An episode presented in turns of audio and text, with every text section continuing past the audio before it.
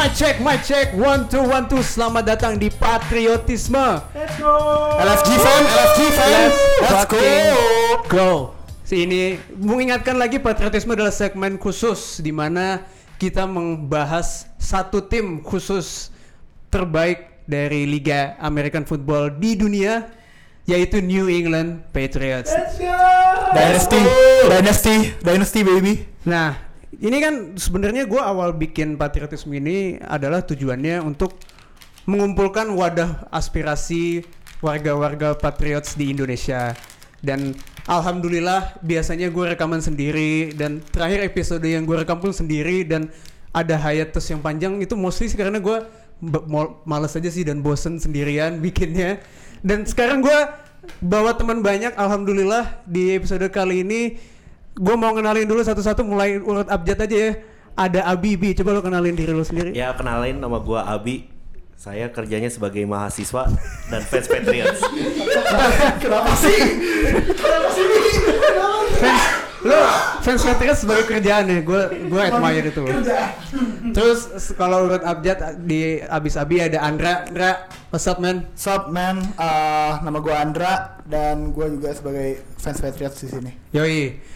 Urut abjad lagi men, abis Andra AN ada AM, yaitu ada Amar. M dulu sih. Iya bener. Serius. Harusnya M dulu aja. Eh. Ya udah nggak apa-apa. Ya udah, Ya udah, apa-apa lah. Oh itu biar Dikoreksi biar- mahasiswa. Hai, guys, guys, uh, Oh, iya. Amar, Yoi, gimana Mar? Fans Patriots dari Super Bowl 49 and I'm glad to be here with Patriotisme. Yes, I'm glad lo di sini bukan di podcast Chicago Bears ya. Jadi enggak, j- jadi Amar ini kalau di eh, komunitas kita di Lions Square kita tuh sebenarnya du- ada dualitas. Iya, ada dikotomi. Ada dual dual kalau dual disclaimer, Coba mungkin bisa diklarifikasi dulu. Mar udah disclaimer Amar. keberapa ini di Ini disclaimer yang public umum? juta, tapi gue pengen dengerin sekali lagi. First and foremost, I am a Boston sports fan. Yep. Boston Celtics, Boston Red Sox, Boston Bruins. Last but not least, the New England Patriots. Yes. Tapi belakangan ini satu musim terakhir gue ngefans sama Khalil Mack, jadi gue ngikutin Khalil Mack mana aja. Karena musim lalu gue belum ngikutin Khalil Mack, jadi gue nggak ngefans sama Oakland Raiders, gue langsung ngefans sama Chicago Bears. Oh, kirain ngefans Bears karena Trubisky. ya. Enggak Oke. juga. Gue tahan-tahan deh. Enggak, eh, Boleh, boleh, boleh. guys, kan kita hari ini recording di hari Senin, tanggal 27 Januari. Um, gua cuma pengen mengangkat satu isu yang sangat prevalent di hari ini. Hari ini dengan eh, dengan sayangnya gua memberitahu kalau ada seorang legenda di olahraga basket bernama Kobe Bryant itu meninggal dunia di pagi hari ini waktu WIB um, ini meninggalkan bekas yang begitu membekas, bekas yang begitu membekas, memberikan luka yang begitu membekas bagi kita para fans olahraga. Walaupun kita sebenarnya ini adalah podcast NFL, cuma impact dari Kobe pun sebenarnya sudah lintas olahraga. Um, Ndra, menurut lo Kobe eh gimana sih di hidup lo? Apa sih impactnya di hidup lo? Oke, uh, first and foremost, uh, rest in peace, Kobe Yes. Bryant. Uh, your legacy will be really, really uh, hold on to me. But uh, first and foremost, I'm a LeBron guy. Yoi. Gua fans LeBron. LeBron seksual lo ya, Yes. yeah. Yeah, you can say that I'm LeBron Hmm. sexual. I don't have, I don't really have a favorite team in NBA. Just wherever LeBron go. Uh, but early in early years of my favorite uh, watching basketball, Le- rivalitas LeBron sama Kobe itu pas itu emang lagi puncak-puncaknya dan ngelihat gimana uh, Kobe selalu main at the highest level uh, itu selalu jadi respect yang sangat tinggi dari gua. Uh, gua nggak pernah se-respect ini uh, sama Kobe. Bukan pas uh, hari ini aja tapi akhir-akhir ini sebenarnya respect gue sangat tinggi uh, sama Kobe walaupun gua dari seorang fans dari LeBron. So ya yeah, uh, hari ini cukup berat buat kita semua but ya uh, he would want us to hustle for today Kobe would want us to hustle for today Yes, Mamba mentality. Mar, lo hari ini kayaknya berat banget. Mungkin bisa lo jelasin secara singkat Iya. betapa beratnya hari ini. gue pertama kali nonton basket itu it was I think 99 2000 itu kan pas lagi tribute Kobe Bryant sama Shaquille O'Neal jadi exposure gue sama basket pertama itu sama ya La- the Tripit Lakers. Kemudian gue SMP, gue mulai suka sama Boston Celtics dan rivalnya Boston Celtics itu adalah Los Angeles Lakers yang di mana ada Kobe Bryant. Gue gimana ya? Kesel ketika lihat Kobe Bryant tuh gila nih orang jago banget, susah banget tim gue ngalahin. But in uh, uh, he got my respect karena dia ya dedikasinya, semangat juangnya, mamba mentalitinya dan pagi ini dapat kabar Kobe Bryant meninggal gitu cepat terus udah gitu meninggalnya dengan cara yang tragis man I'm at loss at- words gue Kata-kata memang sebuah hal yang sangat sulit dicari Iya. untuk dari dia. man. Rest in peace Kobe. Bi, lu gimana Bi? Sebenarnya sepatu basket pertama gue tuh Nike Zoom Kobe 1 Oh, gue kira Starmon. nggak, nggak cocok Pas ya? SMP, Jokes lagi berduka gini nggak cocok ya? Aduh. Eh, terus juga eh, jujur aja Kobe ini kita pasti semua punya mamba mentality di diri kita. Contohnya pas rekaman podcast ini kita belain malam-malam, ada yang pulang kerja, ada yang pulang kuliah, kita tetap rekaman karena kita masing-masing mempunyai mamba mentality dalam diri kita. Men, It, Mamba mentality itu kayak sebuah effort hard working yang sangat dipersonifikasi sama beliau dan dan kita sangat mendukung itu dan mengaplikasikannya di kehidupan sehari-hari. Jadi eh, untuk- untuk menyimpulkan rest in peace Kobe Bryant, you will and, be to all, missed. and to all the victims ya. Dan to all the victims yang eh, terlibat dalam tragedi tersebut, rest in peace, rest in power dan tentunya akan selalu kita ingat. Yes, eh, anaknya juga si Gigi Gigi. Bryant. Eh, gue pun juga sebenarnya I'm at loss, at a loss for words. Gue juga gak bisa nyari kata-kata yang co- cocok untuk membahas ini. Anyway, Show must go on, man. Show must go on. Show must Show go must on. go on. Enggak, itu untuk mengeluarkan respect kita aja ke Yeah, Kobe yeah. Bryant. Sekarang kita langsung ke bahasan utama kita hari Yo. ini tuh sebenarnya kita nih ngumpul-ngumpul fans Patriots. Tumben ya bisa ngumpul. Tumben Pak, dan ini sebenarnya waktu yang aneh buat kita untuk kumpul gitu. Ini Iya. nggak biasa, ini unorthodox man. Yes, Iya. karena Masa, biasanya biasa masa udah selesai sih? Pak. karena sih? karena lo biasanya lagi gimana ya? Lagi takutan lawan final kita di Iya NFC benar gitu coy. karena Takutan gitu. karena kita sebagai fans Pat- Patriots itu di bulan-bulan ini akhir Januari itu adalah bulan-bulan di mana kita mencari scouting report lawan Iya, kita. YouTube tuh udah isinya preview. Yes, dan review. kita baca-baca artikel apa pun itu yang ter- yang terkait dengan baik itu AFC Championship atau atau itu Super Bowl.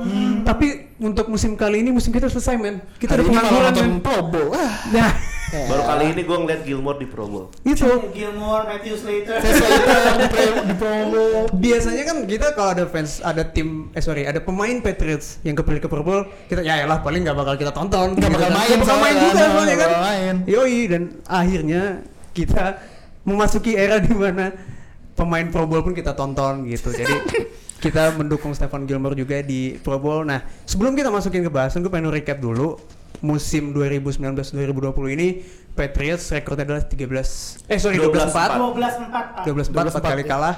Um, tiga kekalahan itu dari tim playoffs dan satu lagi dari Miami fucking Miami Dolphins. fucking Dolphins. Miami fucking Dolphins. Fucking Dolphins. Yang- Oh my god. somehow setiap tahun selalu ngalahin kita at least sekali. Ada Last aja year, gitu kejadiannya. It was Miami Miracle. Hmm. This year it was Magic. Orang gila loh. Ada aja kejadian Woi, bala-bala ya. kenapa Fitzmagic memilih waktu itu buat jadi jago gitu? Itu pak dan kekalahan lawan Miami tuh ngilangin kita seat nomor First satu. Seat nomor dua. Seat nomor dua, sorry, first round bye. First round bye. First first round by gara-gara si Fitzmagic anjing And we play in the. Like, Dan kalah sama Titans sama Tennessee Titans.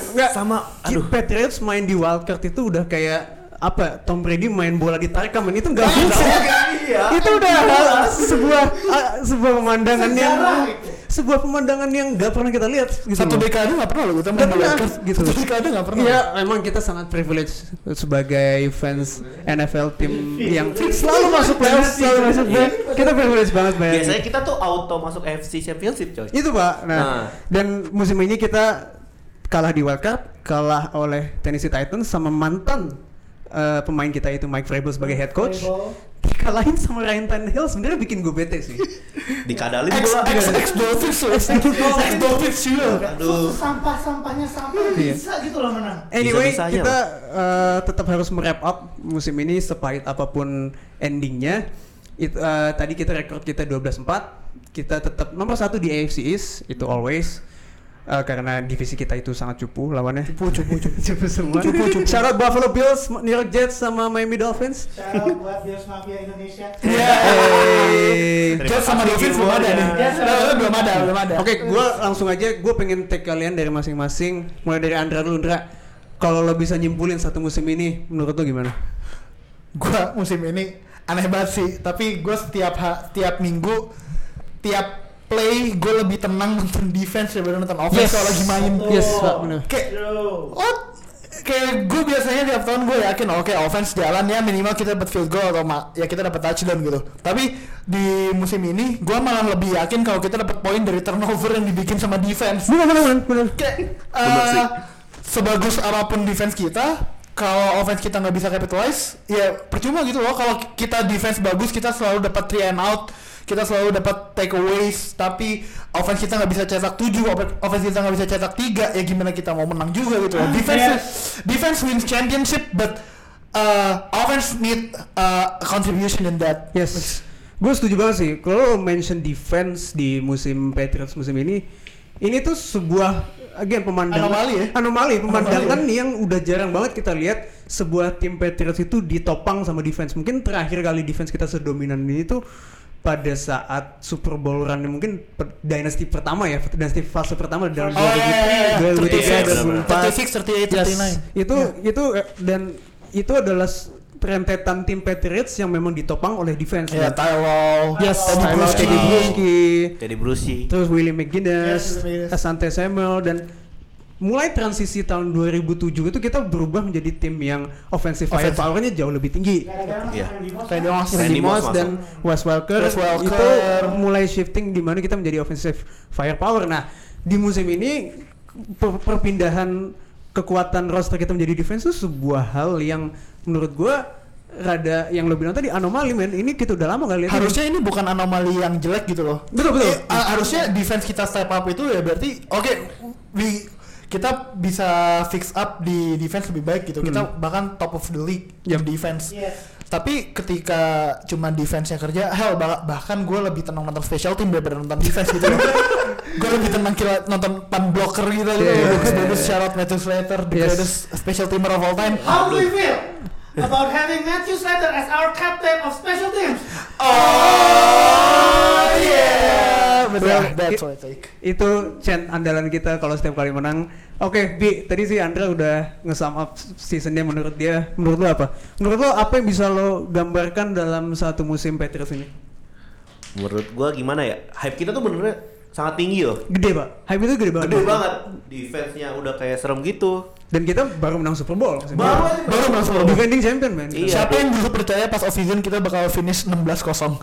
Iya, man, bener-bener. Gua, gua, gua. Banyak sih. Banyak, Wah, banyak, banyak. Gua apalagi setelah apa highlight kita ngelawan Steelers. Gila coy. Oh iya nih, mumpung di, di week satu kan kita lawan Steelers dan itu kan ada pembantaian antara Steelers eh, la- lawan Patriots lawan Steelers. Nah kebetulan di sesi recording kita hari ini kita kedatangan tamu fans Steelers yang mungkin suaranya familiar bagi kalian yang mendengarin. Coba Bapak Steelers. Dia bangga loh pakai topinya loh. Eh, jadi begini, mumpung deket rumah, gue datang. Eh, ya, halo, pasti lu tahu gue siapa. Ya. Oh, tahu, oh, udah lagi. Ya, suatu kenal banget ya. Ya Allah. Emangnya Tufel gitu kan? Emang tuh file mainnya sama, sama checklist. Ya. Canda, canda. Ya, gue Fadil, fans Taylor sekaligus founder NFL Fans Indonesia. Jadi ya karena tadi diangkat-angkat lagi tuh match pertama yang gue langsung bete abis dibantai nah saya langsung mengambil mic ini nih tadi tadi saya udah minta ke Tufel Fel Fel mic gue mau ngomong gitu jadi apa ya mau di- eh, Cuma perkenalan aja, Pak. Perkenalan aja. Perkenalan aja ya? Oh, Perkenalan aja. Oke, nih, coba saya saya bahkan ya ke Gue gak perlu opini fans Steelers. Karena Gue gak perlu opini fans Steelers. Kan dia datang cuma buat megangin mic itu Vel sebenarnya.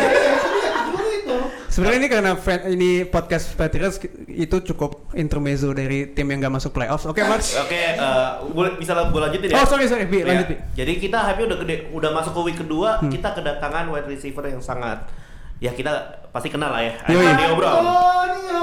Antonio Brown. Charlie Brown. Aduh, dan gue dengerin podcast podcast patriotisme. Yoi. Pas lu ngebahas Antonio Brown mau datang tuh, wah ini udah Uh, gitu. Yoi, Pak. Gila. Yoi. Lu, lu Master football eh. Master football. Bayangin wide receiver kita ada Julian Edelman, Hmm. Josh Gordon, Antonio Brown mau jaga siapa? Quarterbacknya Tom Brady. Yo, Kan, man. makanya. Dan lihat di Dolphins itu tuh udah kayak preview aja musim musim sel- apa pertandingan pertandingan selanjutnya bakal kayak gimana gitu loh. Hmm. Tapi ya ending endingnya kita ya berakhir dengan Philip Dorset, Jacoby Meyers, Harry. Nakil Harry yang lagi setengah sehat. Setengah sehat. Well, lu tadi uh, mention Antonio Brown, mungkin kita akan pisahin satu segmen kecil buat bahas ke enigma dari seorang Antonio Brown. Cuma gue setuju banget ada ada di musim itu adanya diskrepansi yang signifikan antara hype kita memasuki musim ini di preseason sama realita ofensif kita pada saat musimnya udah mulai untuk melihat so- sebuah receiving corps yang digadang-gadang the best in the league menjadi salah satu the worst in the league yang lo bilang tadi kita cuma bisa ngandelin Julian Edelman itu pun selalu di double coverage Iya, sama jelas. musuh lawan jadi uh, ngelihat receiving corps kita nggak bisa get open one on one lawan cornerback itu sangat heartbreaking kalau menurut gua.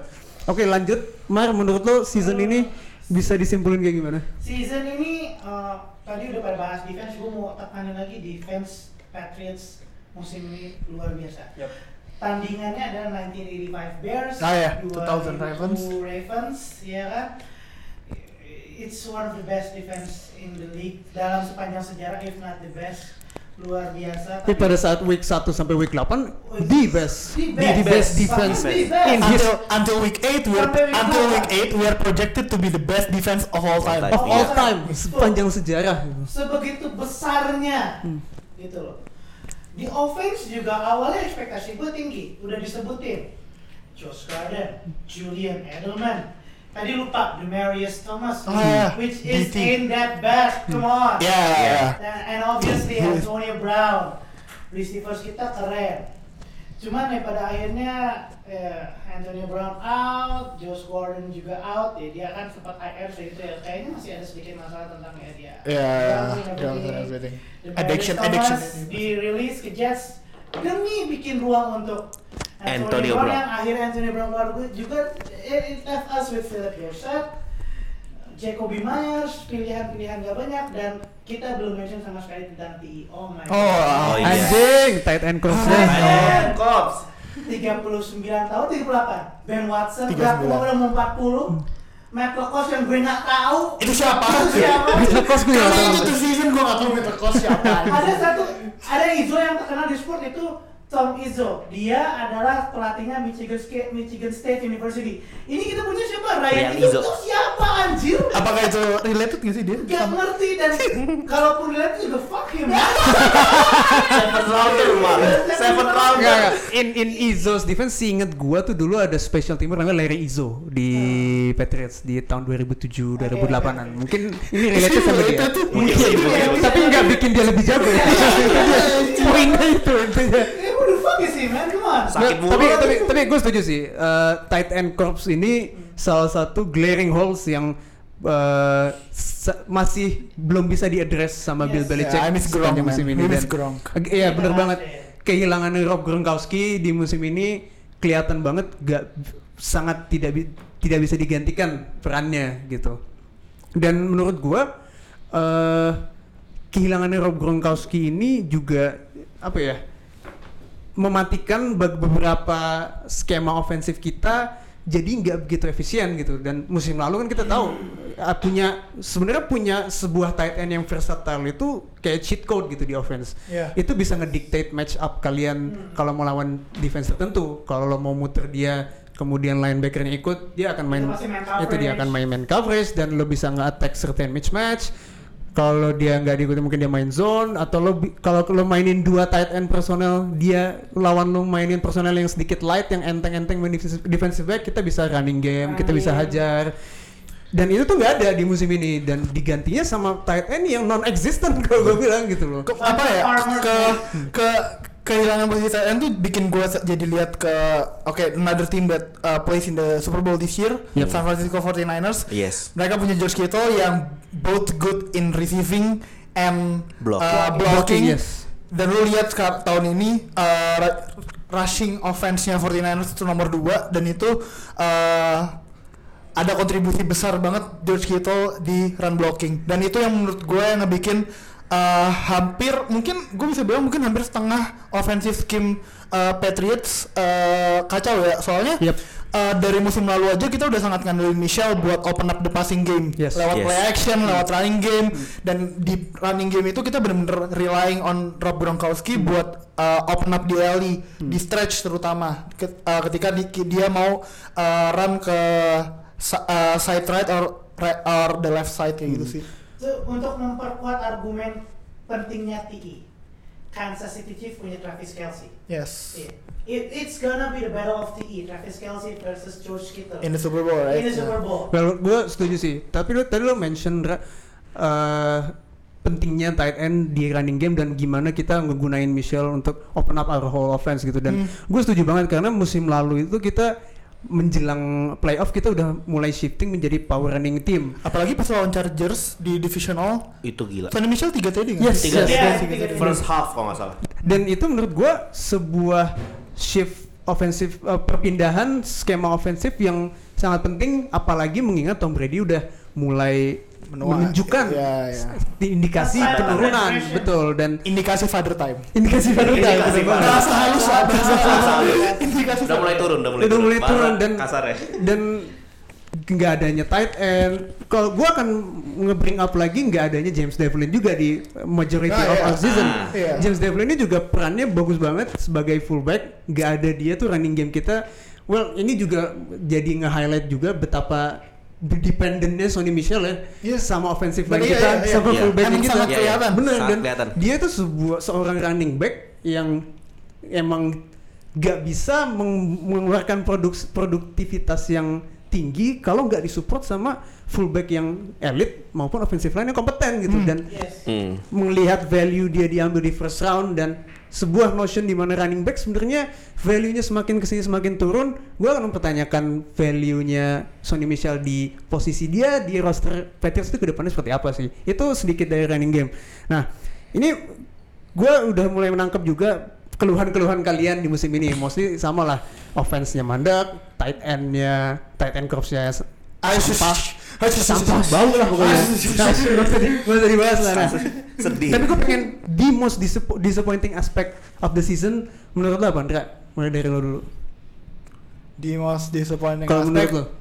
ah kegagalan Patriots ngeganti uh, role-nya Gronkowski sih. Yep, yep. Apa ya? Emang role-nya Gronkowski itu nggak segampang bisa diganti sama satu orang aja. Emang iya. Kita mesti punya personal tambahan buat ngeganti role yang udah dipakai sama Gronkowski. Uh, baik itu sebagai apa middle buat di- apa dia bakal lari di tengah ngelawan dua atau double coverage di tengah itu dia bisa atau ngebuat ngebuka lorong buat lari Yes. itu dia bisa dan waktu James Devlin cedera gue udah tahu nih kayaknya oke gue dari awal tuh udah kayak oke kayak Sonny Michel nggak bakal produk terlalu produktif gitu. Udah lihat dari awal dan ternyata uh, bener secara number dia uh, declining dan diri dia nggak bisa juga di rely buat passing game. Dia beberapa kali dia banyak lumayan banyak dropnya si Michel.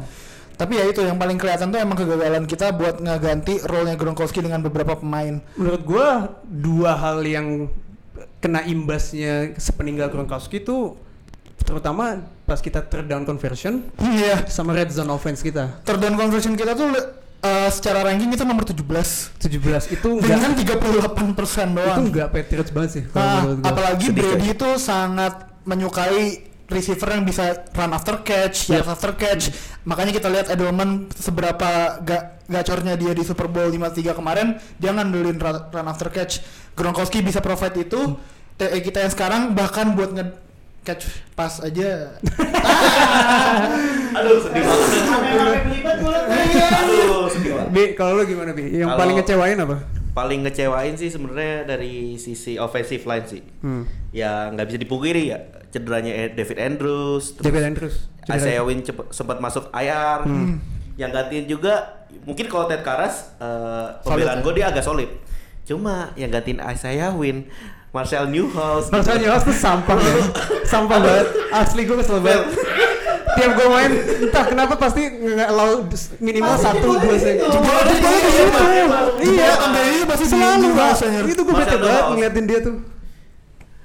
Gimana Bi? Lanjut Bi. Dia sampai speechless di situ, Phil. Ya kita kita sampai ada pause sekian detik sampai anjing Marshall. Enggak se, se apa ya, se ngeselin itu loh. Namanya backup tackle itu emang lo kayak diceburin sih istilahnya lo ada Iya, ada iya satu yang cedera banget sih. yes dan lo harus ngejaga defensive end yang segede gaban tapi tetaplah gue bete aja sih kalau ada satu weak link di offensive line tuh karena offense lo jadi nggak jalan pak kalau Iya. misalnya udah jawab first down oke dua second down oke third down low Iya. sack gitu kan lo udah Aduh, males udah bete banget. Dan beda apa lu nggak tega gitu ngeliat Brady udah menua kena hit mulu. iya iya Dan, Kasihan. dan dia di left tackle, Pak. Iya, Ditaruhnya di left side, tackle. Posisi side. paling Buta. penting di Eh, OL. blindside. Blindside. Nah, terus terus Nah, yang terakhir tuh juga fullback kita James Devlin juga out Yap, cedera yap. leher itu ngerusak dari running play kita. yes Makanya eh, ngelihat staffnya Sonny Mitchell juga rada mengecewakan sebenarnya. Nggak nyampe 1000 yard dan nggak nyampe 10 te- touchdown. Di mana hype di- dia tuh sangat besar musim ini. Oke, lanjut Mar. Menurut lo yang paling ngecewain apa? Yang mengecewakan menurut gue tadi udah disebut sebenarnya tight end, udah bahas tentang Hmm. conversion, red zone, macam-macam. Eh, gue coba bahas yang belum disebut yaitu receiving corps Yap. dari yang hampir dari yang bisa dibilang the best sampai jadi yang paling gak jelas. gue kasihan sama Edelman. Edelman is good. Ah Kita ya. percaya Edelman is good. His footwork is amazing. Footwork is amazing, but first and foremost dia tuh tetap slot receiver. Slot receiver yang ngambil rute-rute pendek, banyak mungkin banyakan slant Hmm. gitu. Dia dia kayak tadi dibilang lebih banyak mengandalkan run after catch. Yep. yep. Ya. Nah, yang untuk dapetin yards yang besar, yang kayak 15 to 20 yang Deep kayak pass, deep deep pass. pass, gitu terus gitu yang bisa contested oh, man versus man coverage itu tuh kita belum ada harapannya ada di Nikhil Harry tapi Nikhil Harry kan cedera Philip Dorsett he wasn't that really he isn't that really good kurang gitu Ya, bagus Philip Dorset, Pak. eh Philip Dorsett Iya. apa aku salah Jacoby Myers ini gua nggak salah Nah, oke. itu juga ya biasa aja maksudnya dari Josh Gordon ke Jacoby Myers come on man ya kayaknya di offense kayaknya kita semua sepakat di offense eh, kalau di sum it up menjadi sebuah kekecewaan Mungkin tapi Jacoby Myers itu sedikit ada harapan lah ya kita. Iya. Reward kita di Jacoby Myers karena eh sepembacaan gua dia nomor 2 di NFL soal contested catch. Hmm. Jadi ketika kita WR kita emang ketutup semua, kita rely on 50-50 ball, mungkin kita bisa rely ke Jacoby Myers sih. Jacoby Myers itu menurut gua di musim ini salah satu receiver yang bisa kita andelin untuk dapat separasi dari cornerback. Ah ya, ya. Itu itu yang dia tunjukkan di training camp dan ter- ke translate beberapa kali di game in season. Cuma masih banyak juga miscomment sama Brady gue lihat banyak banget. Iya, Banyak belajar. masih Banyak karena banyak belajar. karena kalau ini in the receiving corps defense belajar offense-nya Patriots itu sangat susah. Kalau Iya. lo lihat testimoninya ya orang-orang yang baru masuk di tengah-tengah musim suruh belajar offense kompleks Patriots pun akan susah. Ya. Makanya Muhammad Sanu for example Muhammad Sanu makanya Muhammad Sanu. Muhammad Sanu datang di tengah musim dengan trade dikasih second round pick produk productionnya nggak begitu gede karena itu tadi balik lagi karena belajar offense ini tuh kompleks dan ini tuh sudah se- sudah sebuah uh, notion yang udah ada dari zaman Josh McDaniels meng- mengetuai offense Patriots ini bahkan gue melihat ada beberapa reporter yang mengusulkan kalau udah ke depannya offense ini perlu disimplify gitu tidak perlu membawa banyak plays dalam satu musim gitu. Jadi untuk untuk apa? Untuk meng- mengakomodir pemain-pemain yang baru masuk tuh akan lebih mudah gitu. Nah, tadi kan kita udah ngerant banyak, kita udah mengata-ngatain tight end crops kita sendiri.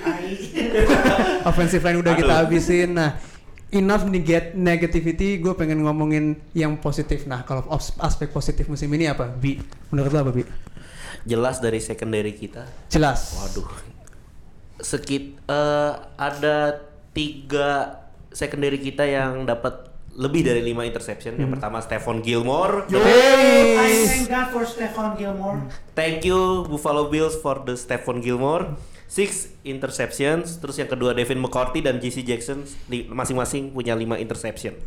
Well, Gila. se- secondary ini sebenarnya juga coming into the season salah satu posisi yang di hype as one of the deepest in the league gitu. Aside of di luar front seven kita yang memang one of the best in the league gitu. Jadi melihat konsistensi secondary yang dipimpin oleh Stephon Gilmore dan kemampuan Stephon Gilmore sendiri melockdown number one matchup lawan dan membuat Bill Belichick lebih leluasa untuk mengaplikasikan defense yang dia sukain itu sangat ngebantu defense Patriots musim ini yang yang disebut Andra tadi one of the best in history in Yeah. the Yeah. first eight Yeah. weeks Yeah. gitu. Jadi gue setuju banget kalau itu one of the most positive aspect. Andra menurut lu apa musim ini yang positif? Man, Stephon Gilmore. I, I I want, I want to take uh, this one sec, this one, uh, one take for him. Uh, week berapa sih kita lawan Cowboys kemarin tuh? Wah, Week, wait, wait. Uh, uh, week lagi. 12. It was Week week 12. 12. Kita lawan Cowboys. Posisi kita, posisinya Cowboys waktu itu adalah uh, number one offense in the league in terms of yardage. Uh, and Stephen Gilmore, just as we expected, dia bakal di match up sama WR satunya tiap Amari lawan Cooper. tim. Amari So Cooper. automatically dia bakal lawan Amari Cooper.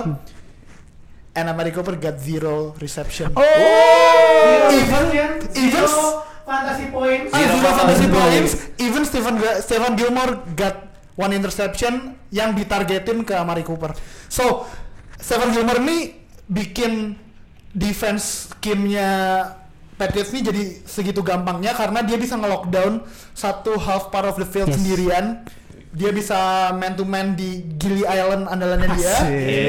Out Daryl Rivers, Rivers Jadi Island. ketika oke gue taruh lagi ketika lawan uh, Cowboys lagi ya. Jadi ketika Amari Cooper kita bisa udah lockdown lawan uh, Gilmore, kita bisa uh, misal ada Michael Gallup yang jadi deep threat-nya deep threat andalannya Prescott kan. Oke. Kita bisa double team dia. Kita punya extra man buat uh, ngejaga kita punya extra man buat ngejaga receiving corps dari lawan Yang nggak dijaga sama Gilmore. yang nggak dijaga Yes, sama yes. Gilmore. So efeknya Gilmore tuh gede banget sih emang buat Terus gue setuju banget sih Stephon Gilmore he's becoming the best player in our team.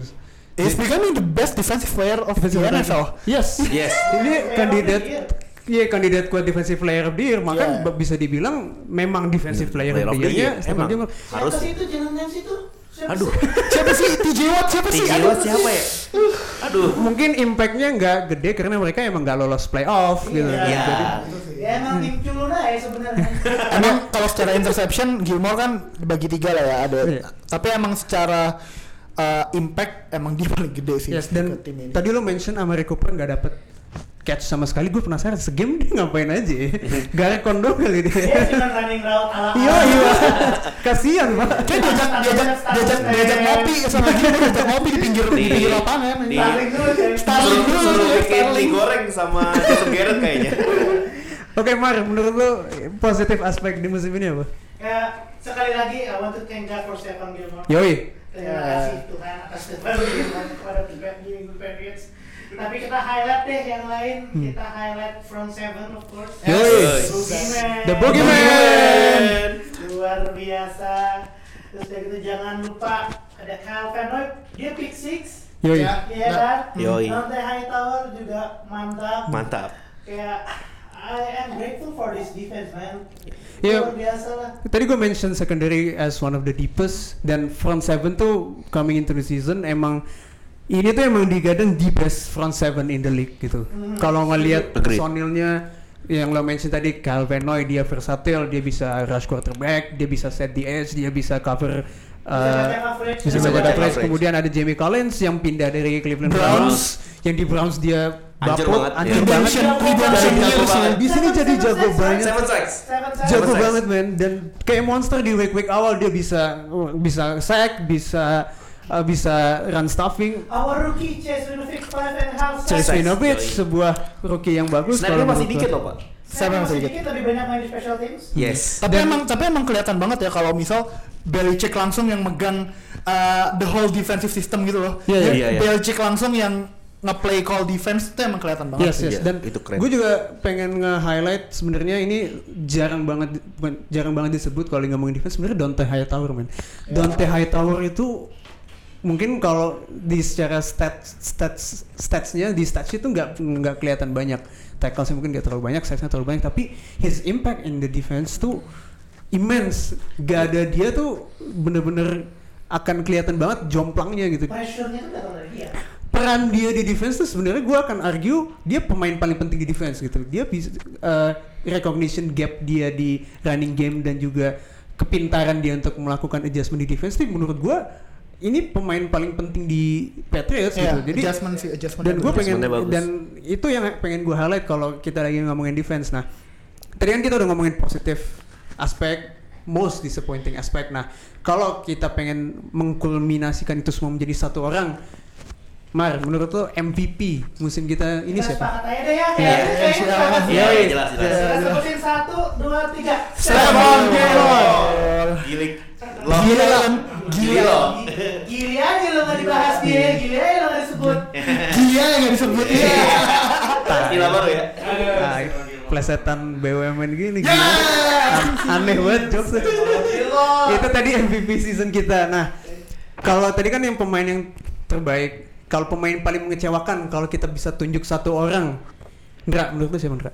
Eh, gua kalau paling mengecewakan ya uh, he has the big hype karena dia datang ke musim ini coming strong of his uh, rookie year ya of course gua ngomongin soal uh, Sonny Michel karena production dia sangat turun dan di musim ini dia sangat kelihatan kalau dia dependent banget sama blocking uh, he's not capable he's not yet capable of making a big run play uh, but he's only in his second year. Gue percaya di depan ke depannya dengan practice dan offensive line yang lebih bagus uh, he can be a big factor in Patriots offensive system. Yes, sebenarnya lo kalau kita mention Sonny Michel, sebenarnya udah lama ya kita nggak punya satu lead back yang Iya, iya, benar-benar iya, iya, iya, benar-benar nge-anchor running game kita dan selalu konsisten dari musim ke musim ya.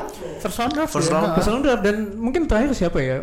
Sih. Iya, Blount. Legarrette Blount. Itu pun menurut gua bukan apa ya?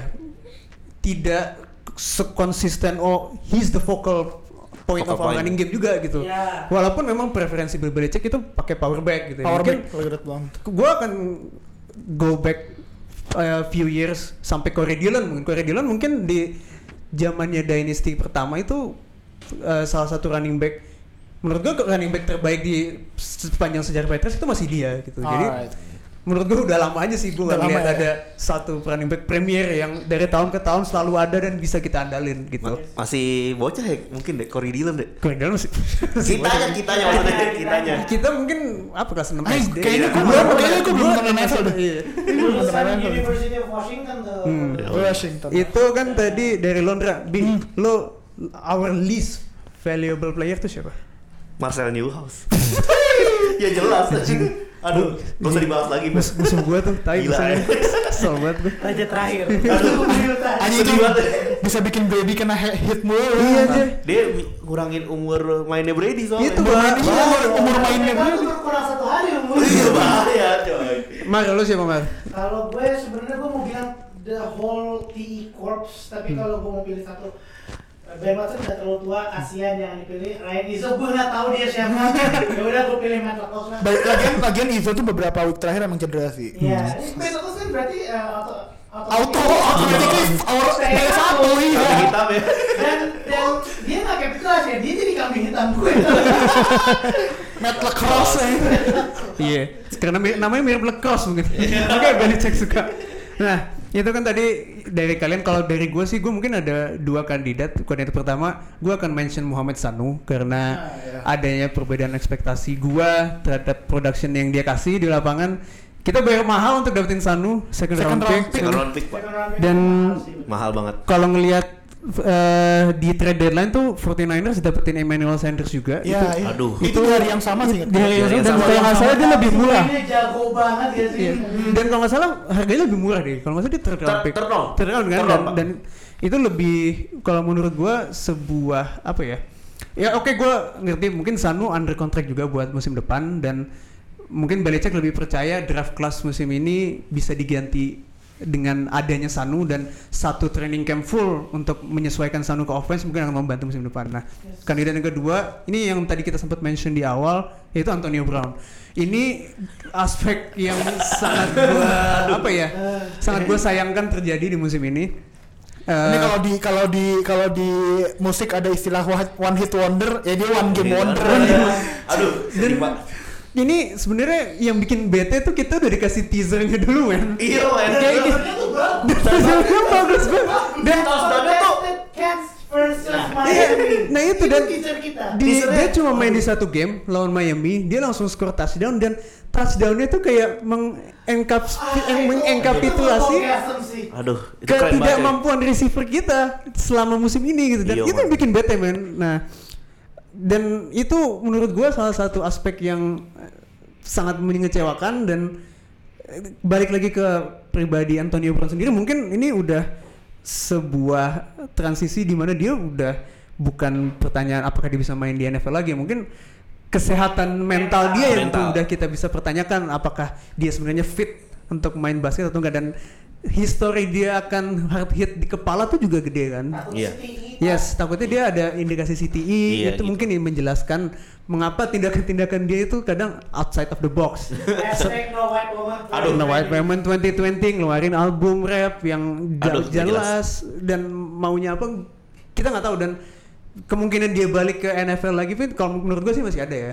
Tapi kalau balik ke Patriots lagi sih mungkin menurut gue udah ditutup pintunya. Balik ke NFL jadi minimum veteran kontrak. Yes, dan itu mungkin dia harus prove himself lagi untuk balik ke mau coba proof ke Saints ya. Hmm, hmm. Can you tell me more about that? Nah, jadi dia kan sebenarnya udah mau ada workout sama Saints kan, tapi eh gue yakin Saints pun juga he's not worth the baggage kalau menurut gue untuk ngebawa Antonio Brown dan apalagi Saints pada saat itu lagi deep Mike Thomas cuy. dan lagi di playoff run gue nggak yakin ngebawa distraksi itu hal yang bagus buat mereka ya dan ya itu tadi eh, menurut gue sangat mengecewakan karena kita udah di teasing man AB tuh- AB Aduh. ketemu Brady tuh football gasm coy Ya. Ya Gila. kayak lu sebutin pas podcast sebelumnya, Pak. Yoi makanya. Nah. Nah, sekarang kita eh tadi kita ngomongin the least valuable player. Nah, sekarang gue pengen pendapat kalian nih masing-masing. Kita kan udah memasuki era di mana Tom Brady ini musim depan udah free agent. Dan Aduh. Eh, sepanjang musim pun juga banyak report kalau oh he's declining dan he's not the same dan oh mungkin udah saatnya kita ganti quarterback. Nah, gue pengen dari masing-masing kalian mengassess selama musim ini what are your final thoughts about Tom Brady? Ndra, lo kalau mau ngasih rating dari 0 sampai 10, lo akan kasih rating berapa ke Brady? Ah shit, it hurts my it hurt my heart to say this, but he's he's just above average of the NFL level of Yep. quarterback, but he's just not on the standard. Hmm. Kalau gua harus ngasih angka mungkin 57 5,75 kali. Oh, di- detail, detail sekali. Oh ya, iya. eh di musim ini tuh kelihatan dia agak lumayan banyak di lawan Titans tuh seingat gua ada beberapa yang dia salah read. Yep. Uh, kemudian kelihatan juga kalau uh, he's really relying on short passes or, and medium passes and receivers run after catch. So kalau buat gua karena mentality dan clutch time-nya dia, gua bakal take dia dari ya most of the NFL quarterbacks. But maybe this year ya mungkin kita cuma lagi ngelihat bad year-nya Brady. Semoga gue cuma Semoga. ngelihat ini bad year-nya Brady aja sih. Iya, iya, Nggak, iya. ini bukan sesuatu yang bakal tahan lama gitu. Yes, Bi, Amin. lo kalau ngasih rate 0 sampai 5, ah, 0 sampai 5, 0 sampai Eh, 10, 0 sampai 10, Pak. atau lo mau nge-sum up sendiri, your final thoughts on Tom Brady di season. Kalau menurut gua sendiri eh, gimana ya? Kalau secara average sih emang setara quarterback biasa ya. Tapi kalau standar Brady itu dia jelek banget coy. Ya tiga dari 10 lah. Itu parah banget. Itu ya gimana ya? Gue juga speechless juga mau nilainya dia berapa kayak istilahnya tuh kalau misalnya lu lagi tugas kuliah proyek teman-teman lu nggak bisa bantu lu nge-carry sendiri gitu tapi nilai lu D juga Iya, gitu bener, bener, gitu sih pendapat gue soal Brady Mar, menurut lu gimana? In Brady's defense, Eh, iya. gue coba pertahankan dulu. Yang mana Brady? oh iya yang Maha Brady Receiving corps kita jomplang. Yep. TI kita jelek, tapi gue sangat sepakat kalau Tom Brady not being himself main di bawah rata-rata dan yang benar-benar bikin pilu di beberapa week terakhir ba- sandingannya Mitchell Trubisky lah Iya loh. Iya, iya. That's gue lupa statistiknya kalau nggak salah quarterback rating di Mirip 60-an, 60-an, around 60-an lah, ya. 60-an Benar-benar. kira-kira tapi sandingannya Mitchell Trubisky kayak itu buat gue unbelievable deh Well, Itu the worst insult of any quarterback. Gitu. ya. Ya, tep- tapi untuk ngesimpulin, mungkin kita setuju ya kalau sebenarnya ini musim pertama di mana kita tuh udah mulai percaya sedikit kalau sebenarnya Brady itu bisa decline man. bisa Sebelumnya kan kita nggak pernah percaya Allah nggak mungkin, nggak mungkin dan dia he keep showing it on the field. Iya, Dia- iya. Dia nggak pernah kelihatan kayak dia udah decline gitu dan kita percaya. gitu loh Yes, benar-benar dan apalagi di umur 42, 41 umur tahun ini 43 Yes, Empat umur tahun dia 40 pun 43. dia MVP gitu loh. Makanya kita nggak melihat itu sama sekali dan musim inilah di musim pertama di mana kita ngelihat Brady, oh man mungkin ini musim per- di mana udah pertama kalinya nih kita ngelihat mungkin ini awal mulai decline-nya dia gitu loh. Dan dan kita pun tapi tetap agree juga kita akan ngambil dia di atas majority of the quarterback di liga. Iya, iya sih, anytime. Iya benar, Iya, banyak iya. quarterback yang bakal gua ambil eh yang gua singkirkan demi Brady. Jared Goff contohnya. aduh Big Ben contohnya. Big Ben contohnya. Nah, Jared enggak, Aduh. Jared Goff itu ya. Itu menurut gua sebuah personifikasi quarterback yang sangat dibantu sama head coachnya gitu. Iya, iya. Istilah sangat sistemik sangat sistemik Sistemik. dan sangat dituntun lah istilah digandeng kalau kalau dia. kalau kat- dengar-dengar ya katanya kalau ngepas tuh dituntun sama McVay Nah itu, nah makanya dan dia tuh desain kontraknya gede banget. Jadi walaupun Brady umurnya udah tua dan indikan gue akan pilih Brady Oh, jauh jelas. dibandingkan Goff yang lebih muda dan i- show apa ya istilahnya show flashes of his potential gitu loh dan apalagi udah ketemu match up-nya juga kan pas saat Super Bowl musim lalu. Nah, Super Bowl musim lalu ini kan Patriots lawan Rams. Nah, kebetulan Kebetulan. kebetulan hari ini kita juga Ada lagi tamunya. Ada lagi tamunya.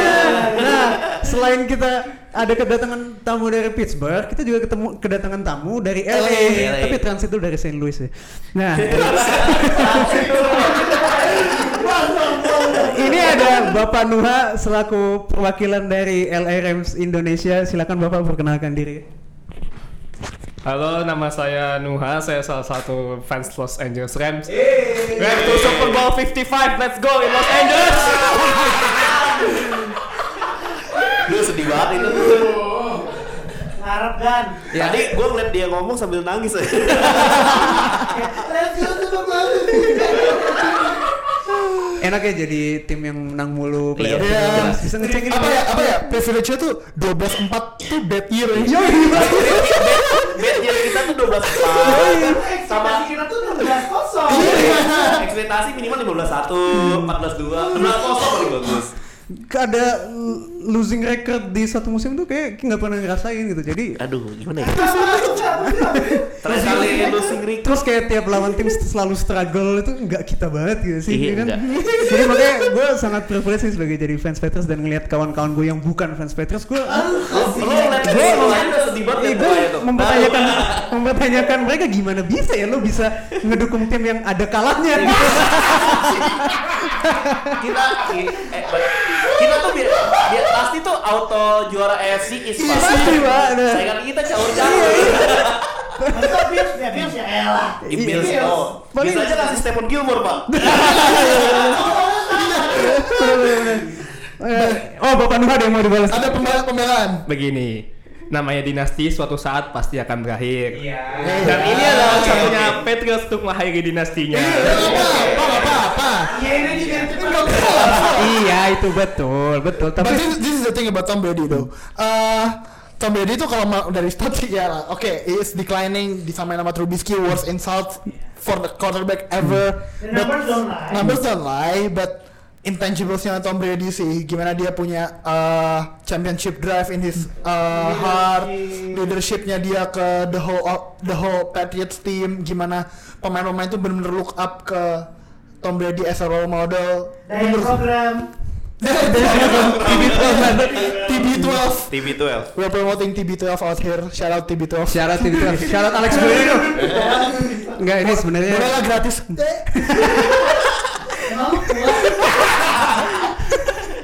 Enggak, ini gue seneng banget sih. Sebenarnya ini tujuan utama gue bikin patriotisme yaitu coli bareng soal Tom Brady.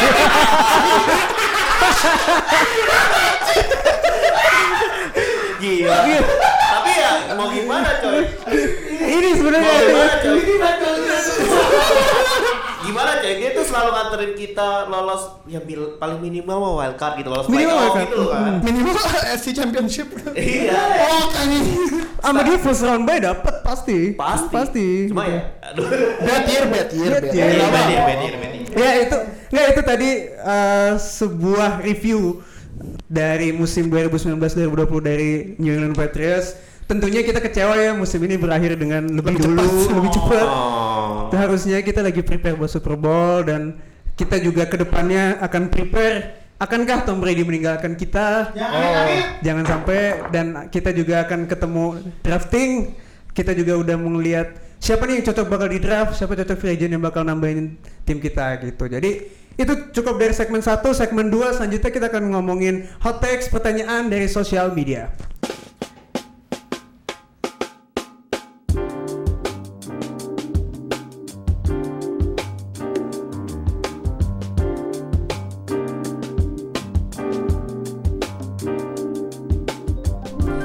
Patriotisme, sekarang kita masuk ke segmen 2 Kita bakal ngebacain pertanyaan, hot takes, atau apa pun pendapat yang ada di sosial media. Nah, khusus segmen ini, Alhamdulillah kita kedatangan dua tamu yang sangat berbaik hati. Ada ada sama- playoff. Yang gak masuk playoff emang jelas Dua fans tim yang gak masuk live sangat berbaik hati menawarkan bantuan untuk membacakan pertanyaan-pertanyaan tersebut. Silakan Bro Fadil dari Pittsburgh Steelers untuk ngebacain pertanyaannya Gantian aja. bro. Gantian, gantian. Ya, permisi. Saya mau membacakan pertanyaan pertama dari eh, sebentar ini tim patriotisme sedang mengecek apa, eh, list pertanyaan sangat baik sekali. Oh ya, ini pertanyaan pertama dari akun @bert.fernando. Eh, sebenarnya saya mau bertanya ini mau eh, mau ditranslate ke Indonesia apa gimana nih? Oh nggak usah. Jadi jadi eh, bilingual ya. Ver- Verbatim udah kayak nama ini ya. Di, di- iya jadi kosong ya. Siap. Diikutin deal, diikutin. Okay. Should the Pats consider taking Justin Herbert if he falls off the first round?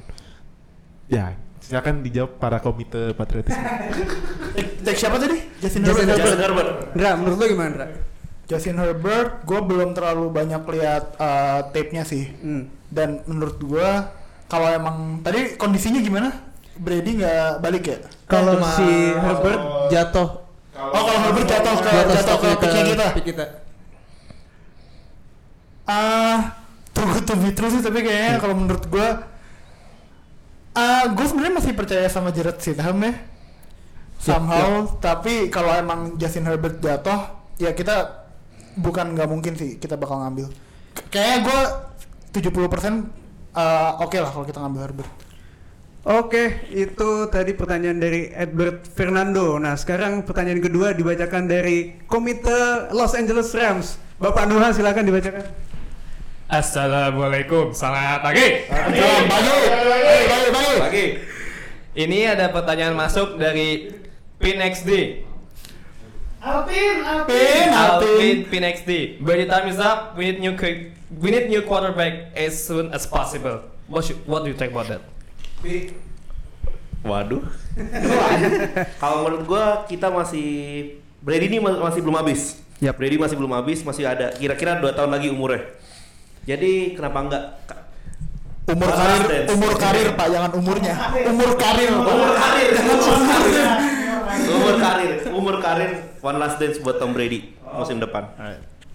Oke, eh, ini ada pertanyaan selanjutnya dari saudara eh sebentar sebentar. Eh saya cari dulu ya yang Oh, ini ini mungkin eh, berhubungan sama Mas Pin tadi ya.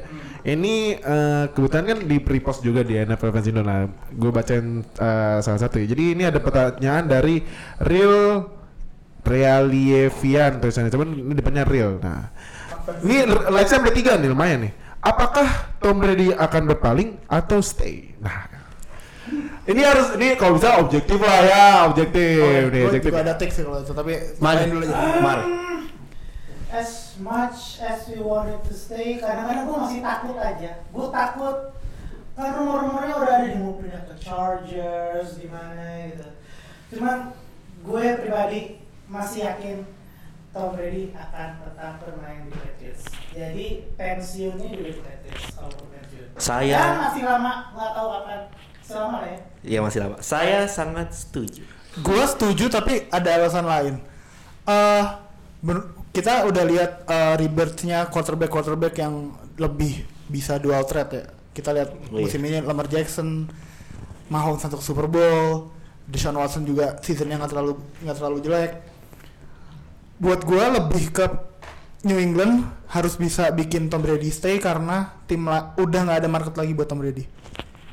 Udah gak ada market lagi yang bisa ny- ngapain kayak gini loh. Kalau lu mau nge-rebuild uh, tim lu dari quarterback buat apa lu ngambil quarterback yang tua dan gak familiar sama offensive system lu sementara New England ini udah ngebikin offensive systemnya uh, based on what Tom Brady needs based Brady on what Tom Brady iya udah Brady centric gitu. Dan udah dicocokkan juga sama kondisi fisik dia sekarang. Jadi uh, gue lebih ke kayak nggak ada pilihan sih buat Brady buat uh, living. Oke, so ini pertanyaan selanjutnya dari Morris Zebua. Need new wide receiver, cut Dorset and Sanu. Nekil kasih kesempatan potensi soalnya. And definitely new tight end. Give Brady his weapons and new contract. What you think about that? Gue setuju banget kalau kita harus nambahin receiving corps. Nikil menurut gue punya potensi itu cuma masalah kita harus ngasih rute atau play yang cocok aja buat dia. Sanu gue kasih kesempatan dia satu musim lagi. Tight end man please banget kita harus draft at least dua di di draft selanjutnya. Siapa tahu bisa bikin tandem Grom sama Hernandez lagi mungkin. Betul betul dan ada anaknya Randy Moss di Thaddeus. di draft kelas tahun ini jadi Thaddeus who knows siapa tahu koneksi 1281 balik lagi ke ke Foxborough. Alright. Ya, ini ada pertanyaan selanjutnya yang menurut saya kalau saya nonton pertandingan Patriots ini uh, lumayan unik karena ini ngambil pemain kayak pem- ngambil pemain di waiver fantasy ini. Masalah kicker. Nah, ini kan Gostkowski kan cedera ya kemarin IR ya. Terus diganti-ganti sama siapa aja tuh? Nick. Coba lagi sih. Nick ya. Kate Kay- iya, iya, Kay Forbat. Nah, ini apakah akan coba cari kicker lagi dari eh, Mas Ainun NFL? No- namanya Ainun NFL. Wah. mungkin mungkin nanti mungkin nanti Dia bikin empat account kali Iya, ya. jadi balik ada Ainun NFL, NBA, NHL, MLB. MLB, Iya, iya. ini. Nah, nah rasanya. Nah, Lima nah gimana nih buat Bro Andra? Gua punya satu nama sih. Dan lu semua harus setuju sama gua nama ini. Siapa tuh? Ryan Santoso. Gokil Jelas, Kalau kalau Santoso dia ke Patriots itu kita udah mengkonversi satu Indonesia jadi fans Patriots. Gue bahkan nggak akan jadi fans Patriots. Yo yo. Mau gak mau, susah mau gak mau. Mau nggak mau. On serious, uh, on serious note, gue harap uh, Steven Gostkowski balik healthy uh, dari cederanya. Uh, dia beberapa tahun terakhir emang di playoff agak uh, goyah, tapi dia still one of the best kicker in the league. Oke, ini ada ini lebih ke take ya. Ini dari Edli Febrian.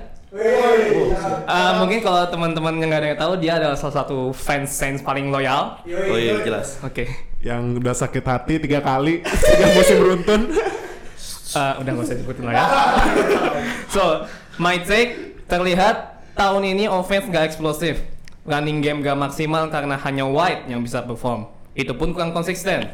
Belum Michelle juga menurun. Selain itu, missing Gong ternyata missing Gong terasa sekali. I honestly don't want Gong to come back. he deserve his health and time. Mungkin prioritas tahun ini draft tight end dan wide receiver. Ya, si- ya siapa sih yang mau tim tim lawan gerong balik kayaknya? Gue setuju lah antara drafting tight end or wide receiver. But first and foremost, gue lebih suka kita ngambil tight end. Karena ya, ya di segmen sebelumnya udah dijelasin lah banyak sampah-sampahnya end kita gue udah marah-marah juga. Ya wajib sih kita ngambil end. Even first round mark. Even first round, even first round. Ya. Oh, Oke, nah eh, ini ada pertanyaan lagi dari Mizudin 21 Mungkin ini dia karena nonton iShield kali ya, jadi pakai nomor 21 ya Nah, Kayak kayak nama bisa, bisa, bisa, bisa, bisa. bisa ya. Nah, siapa target free agent, free agent ya? Free agent Oh, buat musim depan shit. Siapa? Narik sih ini. Free agent only Kita cari Ini ya. free agent. mau gua jawab sendiri atau lu semua jawab semua? Enggak, lo dulu, lo dulu. Lo juga bingung. Gua juga masih agak ini. Lo dulu nanti Kalau- next question. Ini free agent ya? Ya, free Kalau agent. free agent saya berharap AJ Green. Oh, AJ Green. Pokoknya siapa pun wide receiver yang sangat reliable dan deep threat. Itu aja sih. Oke, next ini pertanyaan hmm, ya ini dari G Presiden. Kalau masih mau pakai Brady harus kasih wide receiver yang oke. Kalau nggak bakalan kocak-kacik kayak akhir season ini. Ya pasti sih itu mau quarterbacknya mau Brady, mau Trubisky, mau Mahomes.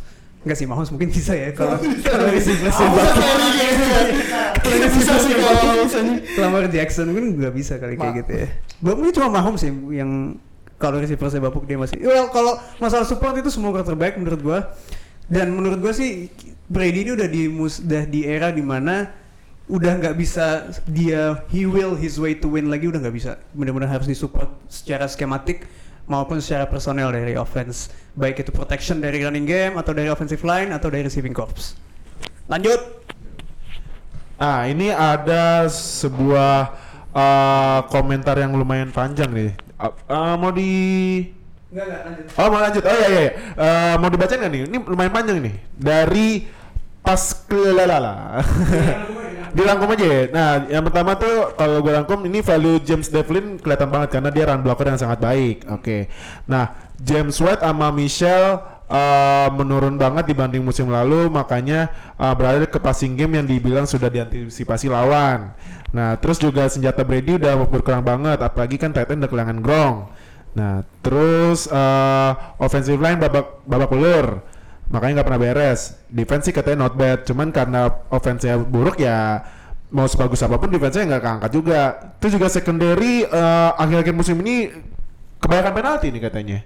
Nah, terus juga katanya karena Trey Flowers eh, nyecabut jadi pas uh, rushnya bisa dibilang lembek. Nah, ini eh, tag day ya, tag day ya. Tagnya dia tuh draft eh, tight end OL atau WR uh, early, early round. Nah, tergantung talent yang bersedia. Nah, terus uh, terakhir katanya kalau berani dicabut ya dia berdua anaknya uh, Randy Moss di draft sih. Gitu. Nah, gimana buat para komite kom- komite uh, asosiasi patriotisme Indonesia? Mari, menurut lo kalau nge-sum up pertanyaannya mungkin dia ngasih take kalau yang udah nges Ya. udah yang udah kita diskusin juga sih banyak. Gue lagi baca anjir panjang ya. Hmm. ya intinya kan kayak dia ngambil TE, OL atau wide receiver. Yap. Tadi kan gue udah bilang kita, gue pengen kita ngambil TN. Ya gue tuh setuju aja sih sama take-nya dia. Gue gue nggak mau sebutin panjang lebarnya lalanya. Memang kayaknya semua sepakat tight end is a top priority. Kalaupun nggak bisa di first round, maybe second round, we can get Thaddeus Mouse. Ya, I personally like Thaddeus Mouse though. Uh, beberapa kali gue lihat gamenya di LSU, dia capable buat bikin contested catch, big catch dari Joe Bur- Burrow. Jadi kayaknya Thaddeus Mouse bakal jadi uh, kalau misal kita berhasil ngedraft Thaddeus Mouse itu bakal jadi pick yang gede juga buat kita harusnya. Oke, setelah dari kita samat sedikit ya lagi semat, udah pertanyaan maksud sebenarnya sudah selesai. Tapi secara personal gue juga mau nanya sama teman-teman dari Sekte Siap, Patriots. siap, siap. Setelah dari keluhan-keluhan teman-teman semua mengenai offensive sim dari Patriots dengan Tom Brady yang menurun, wide receiver yang kocak-kacau, tight end yang bolong, dan offensive offensive line yang amburadul. Menurut teman-teman semua, apakah Josh McDaniel harus diganti? Dra Marbi. Aduh. Dra Marbi. Ya. Tolong, tolong. nomor lu. Tolong. Nah, tadi udah sempat dibilang kalau Tom Brady itu adalah quarterback yang udah nggak eh, yang maksudnya di sistem sifatnya. Dia tidak bisa banyak, dia nggak nggak bisa menyesuaikan dengan sistem-sistem yang sekarang di jalan dan yang ngerti Tom Brady kayak apa itu Josh McDaniels. Jadi ya harapan gue, ini harapan aja deh. Harapan gue Josh McDaniels jangan keluar dulu lah. Josh McDaniels keluar, Tom Brady keluar, ya udah gitu. Tapi selama masih ada Tom Brady, Josh McDaniels and vice versa. Kalau menurut gua sebagai offensive coordinator, Josh McDaniels harus dipertahankan. Eh, mungkin kemarin, menurut gua musim musim ini kita terlihat hancur karena dia eh, harus adaptasi dengan pemain-pemain yang baru dan pemain-pemain yang mostly kebanyakan pemain kunci itu pada cedera ataupun dikeluarin dari tim gitu aja sih. Eh, gue sebenarnya leaning lebih ke awal-awal gue lebih leaning ke arah McDaniels diganti ya karena pas waktu wildcard kita Patriots kalah itu gue bener-bener kesel sekesal itu sama uh, offense-nya Patriots. Dan gue sampai bilang oke uh, offense kita konservatif uh, McDaniels kalau emang mau di hire sama tim lain ya udah cabut aja kita bisa ganti. Tapi uh, kalaupun misalnya dia nggak diganti gue nggak masalah sama sekali. Gue malah seneng tapi dengan syarat dia harus bisa ngedraw uh, offensive scheme yang baru karena kita nggak bisa terus-terusan first down kita run play mulu first down kita run play mulu itu yang kemarin 2019 banyak kejadian makanya defensif banyak yang uh, baca offense kita kayak apa Oke, lanjut. Oke, eh, oh last question, last question. Setelah saya mencari-cari ini ada satu pertanyaan yang sangat unik ini. Ini out of out of the box ini.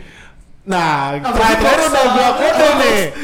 Ini kelihatan ada gua- kode nih. Eh, pertanyaan tongkrongan sebelah lagi. Yeay!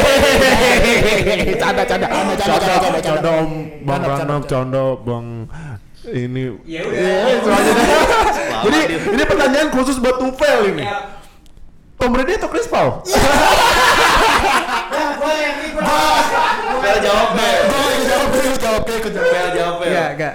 Ini susah pertanyaannya karena mengadu dua pemain terbaik di posisinya sepanjang masa.